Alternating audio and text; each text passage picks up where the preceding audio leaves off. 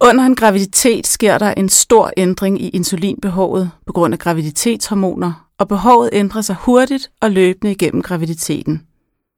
At være gravid med diabetes er derfor en stor opgave, som både kan virke sygeliggørende og stressende for kvinden. I denne podcast skal vi tale om, hvordan behandlere og gravide med diabetes kan samarbejde, og hvordan kontinuerlige sensorbaserede glukosemålinger og time and range kan være en hjælp. Og det gør vi sammen med dig, Trine Tang Christensen. Du ja. er uddannelsesansvarlig overlæge ved Aalborg Universitetshospital. Velkommen til. Tak for det. Og først og fremmest, Trine, hvad er den helt store udfordring egentlig med graviditet og diabetes? Den store udfordring, det er jo, at vi ved, at at have en diabetes, mens man er gravid, det øger risikoen for komplikationer, og det er både komplikationer for mor, men også for barnet øh, under graviditeten. Og hvad er det for nogle komplikationer? Vi ved, at øh, der er en stor sammenhæng mellem, hvor godt ens blodsukker er reguleret, og så risikoen for komplikationer. Det er helt fra, når man bliver gravid. Risikoen for misdannelser er forøget, hvis man er dårligt reguleret. Men under graviditeten er der også en øget risiko for sådan noget som øh, svangerskabsforgiftning, risikoen for at få et stort barn med deraf følgende komplikationer under selve fødslen. Øhm, og for moren er der øget risiko øh, for, øh, kan man sige, øh, blodtryksforstyrrelser, øh, øget risiko for og øh, kan man sige, få en kompliceret fødsel med fødselsskader øh, til følge. Øh, og barnet kan også blive født for tidligt. Så hvis man ved, at man har type 1 diabetes, så skal man i virkeligheden følges måske nærmest før man bliver gravid, så er der et helt program, der bliver rullet ud. Der er en klar anbefaling, at alle, der har diabetes, det være sig både type 1 og type 2 diabetes, at de planlægger deres graviditet, fordi at det er af stor betydning og har en rigtig stor indvirkning. Hvis ikke man er godt reguleret inden, så kan vi gøre rigtig meget under selve graviditeten, men der er faktisk sket allerede en uoprettelig skade, kan man sige, øh, hvis man bliver gravid øh, og er dårligt reguleret, som vi har svært ved at kompensere for under selve graviditeten. Og hvor tæt bliver man fuldt? Altså, hvor mange kontroller skal man til? Og, og det vil være sådan, at, at øh, vi forsøger, øh, øh, som gravid med diabetes, så bliver du tilknyttet et af de fire centre i Danmark, der varetager gravid med diabetes. Øhm, og øh, der er der et tæt samarbejde mellem øh, obstetrikere, altså fødselslæger, og så endokrinologer. Øhm, og i starten af graviditeten vil de opleve, at der er lidt flere kontroller end de vanlige, og i sidste halvdel af graviditeten, der vil der være rigtig mange kontroller, og det er ikke ualmindeligt, at man er inde på øh, svangerambulatoriet måske hver til hver anden uge øh, i sidste halvdel af graviditeten. Og så har man jo de her kontinuerlige sensorbaserede glukosemålinger, time and range. Hvordan kan det være en hjælp det er jo sådan, at, at når de gravide skal være så tæt reguleret i deres blodsukkermåling, øh, jamen så kræver det, at vi får rigtig mange målinger. Så da vi ikke havde de her sensorbaserede målinger, der skulle de jo lave fingerprikmålinger, og det er ikke ualmindeligt, at de skulle måle mellem 10-15 gange om dagen, både før de spiste og efter de spiste, før de lavede fysisk aktivitet og lignende. Og der har vi fået nu en helt anden mulighed ved at få den her sensorbaseret, der har lettet kvinderne i deres hverdag, fordi de lige pludselig får de her målinger kontinuerligt, og de også kan se på en anden måde, hvad sker der præcis, når jeg spiser, hvad sker der, når jeg dyrker motion øh, under min graviditet. Så vi har fået nogle, en masse data, vi kan arbejde ud fra, som vi kan finde en eller finpudse selve behandlingen, så de bliver endnu bedre reguleret i deres graviditet. Så en større frihed og, og mere arbejde ud fra, kan det også være en belastning at have alle de her data? Der er ikke tvivl om, at der er rigtig mange kvinder, der føler et stort ansvar, en stor skyldfølelse, øh, øh, fordi at de har det her ufødte barn at varetage, og de får lige pludselig en masse data, som de selv skal bearbejde i deres hverdag. Hver eneste gang de udfører en handling, hver gang de spiser, så får det en konsekvens i deres blodsukker. Og det kan jo virke stressende at få alt det her information ind, man selv skal handle ud fra. Hvordan kan I hjælpe dem med den stress? Altså, hvordan kan I som behandler møde dem i det samtidig med at holde fast i, at det her faktisk kan være en, stor hjælp til behandlingen? Vi gør det, at vi, vi, vi er der næsten konstant for dem. Altså, de har en adgang til os, om det være så fysisk eller virtuelt, altså via mail, via telefon, så kan vi næsten, øh, kan man sige, kontaktes næsten, vil jeg sige, døgnet rundt i deres graviditet. Og vi ser dem øh, måske med to ugers intervaller, øh, og hvor vi jo gennemgår deres hverdag ud fra de her sensormålinger, og, og hele tiden giver råd til, hvor man kan justere henne i forhold til deres, øh, både hvordan de spiser kulhydrater, hvordan de tager deres insulin, ud for de her målinger her. Så vi forsøger at tage lidt af ansvaret for dem og give dem en masse værktøjer, de kan bruge i deres dagligdag øh, til det. Jeg kunne godt tænke mig at spille et øh, lille klip for dig. Øh, det er fra et interview med en kvinde, der hedder Sara Gammelgaard, som er 39 år og har to drenge på nu 4 og 8 år. Og hun fik konstateret graviditetsdiabetes, da hun var gravid med nummer 1, og den diagnose blev så senere vekslet til en type 1-diabetes. Og det vil sige, da hun så fik barn nummer to, så var det en noget mere kontrolleret oplevelse end første gang. Jamen, jeg følte lidt, jeg blev snydt for, øh, for bare at være i den der graviditet, som jeg var med Freddy.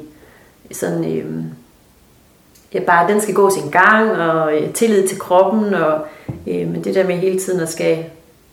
Men samtidig var jeg egentlig også meget glad for de ekstra scanninger, og så fik jeg lidt ekstra kig til ham, kan man sige. Øhm, og det vil man jo gerne. Ja, så ja. på den måde prøvede jeg også bare sådan at få det positive frem i det, og tænke, jamen det er jo for hans bedste, eller sådan, ikke? Øhm, ja. Og du arbejdede ja. i den her graviditet? Ja, ja. jeg er uddannet pædagog, og øh, på det tidspunkt, der var jeg i en vuggestue.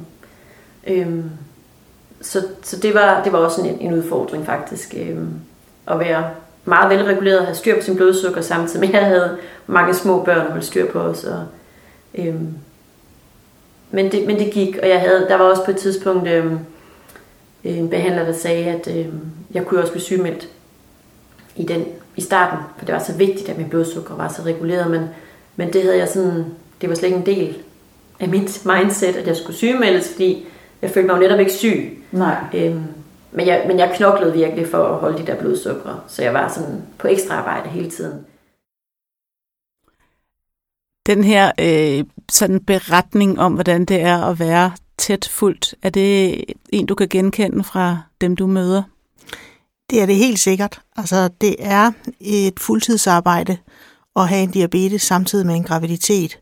Og der er rigtig mange kontroller, og, og, og det er lidt en balancegang, og, øh, og, og hele tiden varetage kontroller for at forebygge, at der ikke kommer komplikationer, samtidig med, at man skal undgå den her sygeliggørelse, og hele tiden påminde sig om, at, at, øh, at selv få øh, kan man sige, ændringer, der gør, at ens blodsukker ikke er godt reguleret, kan få en konsekvens for ens barn. Øh, så, så det er som behandler en vigtig opgave, at, øh, at vi giver, kan man sige, rum for at, øh, at have de her bekymringer, og også sørge for, at de også får de her normale jordmorkonsultationer og høre om, hvordan en helt normal graviditet og en helt normal fødsel, for de skal jo føde på samme vilkår som, som, øh, som kvinder uden diabetes også. Øhm, så, så det er helt sikkert øh, noget, vi, vi øh, i tale sætter, når vi, når vi sidder med vores kvinder. Og, øh, og jeg kan godt forstå den her fornemmelse af, at man, man føler, at man får taget den her naturlige graviditet fra sig. Og kan det her med at have en sensor og hele tiden have data, kan det være med til at skubbe til den stress, som hun i virkeligheden lidt også taler om? Jeg tror, det kommer meget an på, hvad det er for en kvinde, øh, det er, fordi der, for nogen, der vil det være en stressfaktor, fordi de hele tiden får, kan man sige, øh, hele tiden, der, der får de jo besked om, hvad, hvad de har gjort, om det har været godt nok eller ikke godt nok. Men på den anden side tror jeg også, der er rigtig mange, der får en kæmpe frihed, fordi at de har noget at handle på. De har noget, de kan gøre i deres hverdag, så de kan se, at det giver øh, effekt øh, med, med nogle få justeringer af, hvordan de skal spise deres måltid, hvordan de skal tage deres insulin, på hvilket tidspunkt i forhold til, hvornår de spiser. En, en viden, som de ikke havde før, øh, hvor man ikke havde de her øh, kontinuelle glukosemålinger.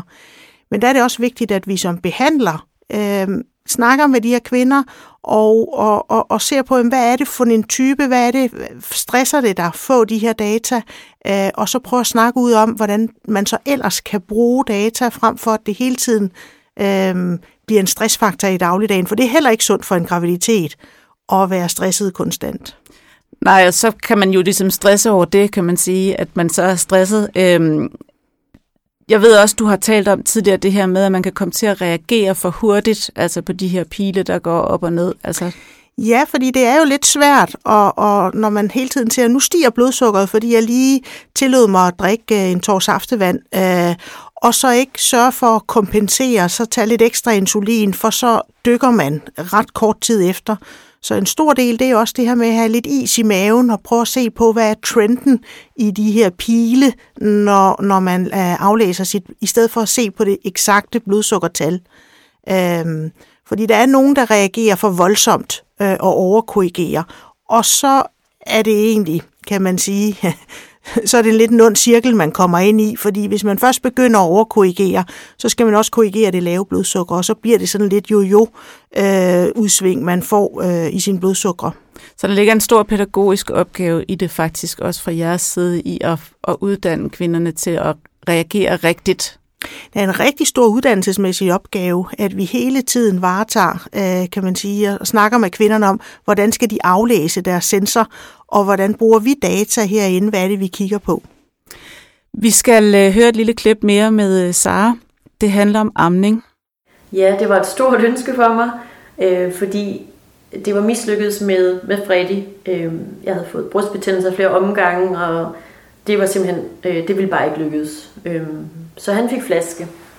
Og det var faktisk lidt svært for mig, synes jeg, fordi der havde jeg igen en idé om, at det var bare det mest naturlige. Og, øhm, så jeg havde et stort ønske for, at med, med Kalle, der kunne jeg godt tænke mig, at amningen skulle lykkes. Samtidig med, at jeg også var blevet oplyst om, at jeg skulle nok ikke regne med, at jeg kom til at amme, fordi når man er diabetiker og ammer, så falder blodsukkeret. Så man skal i hvert fald vide, at, at det er en ret stor opgave. Øhm, at amme, fordi man skal også så i hvert fald have styr på blodsukker undervejs. Ja, så øh, fuldtidsarbejdet, det slutter jo i hvert fald ikke, når man har født, fordi så kommer det her, den her udfordring med amning. Hvad er det egentlig, der er svært ved at amme og have diabetes samtidig? Jamen, et, der er flere faktorer i det. Øh, det ene, det er jo det her insulinbehov, som øh, lige op til, at man føder, øh, er enormt højt. Øh, Øh, Øh, og i det øjeblik, at man føder, specielt når moderkagen er født, jamen så falder insulinbehovet øh, rigtig meget. Og bare det, og at mælken løber til, og man starter amning, jamen det gør, at ens blodsukker de falder. Så man har ofte et meget, meget lavt insulinbehov. Og fra at gå med en tilstand, hvor du fik rigtig meget i løbet af ganske få timer til nærmest ingenting at skulle have, så oplever man rigtig mange dyk i ens blodsukker, der kan være en udfordring.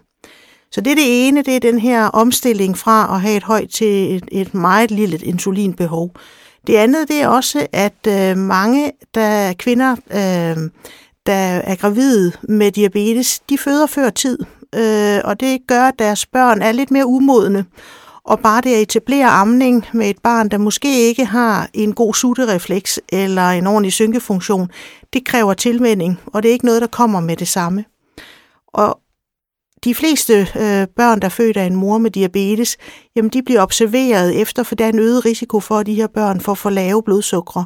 Og det vil sige, at de bliver startet med at, at, at få mad fra start af, og det vil sige, at de er mætte, de her børn. Så de er ikke specielt motiveret for at yde et stort stykke sutterarbejde for at få ammemælk, så ammeetablering kan være svært. Men det er næsten ingen kvinder, vi siger til, at, at man ikke kan amme øh, som diabetes. Vi gør faktisk et meget stort stykke arbejde for, at det her kan lykkes, for det har så stor betydning for den her tilknytning mellem mor og barn, og få det her amning øh, etableret. Så vigtigt at få sagt, at det kan lade sig gøre. Tusind tak skal du have, Trine Tang Christensen, uddannelsesansvarlig overlæge ved endokrinologisk afdeling ved Aalborg Universitetshospital. Selv tak.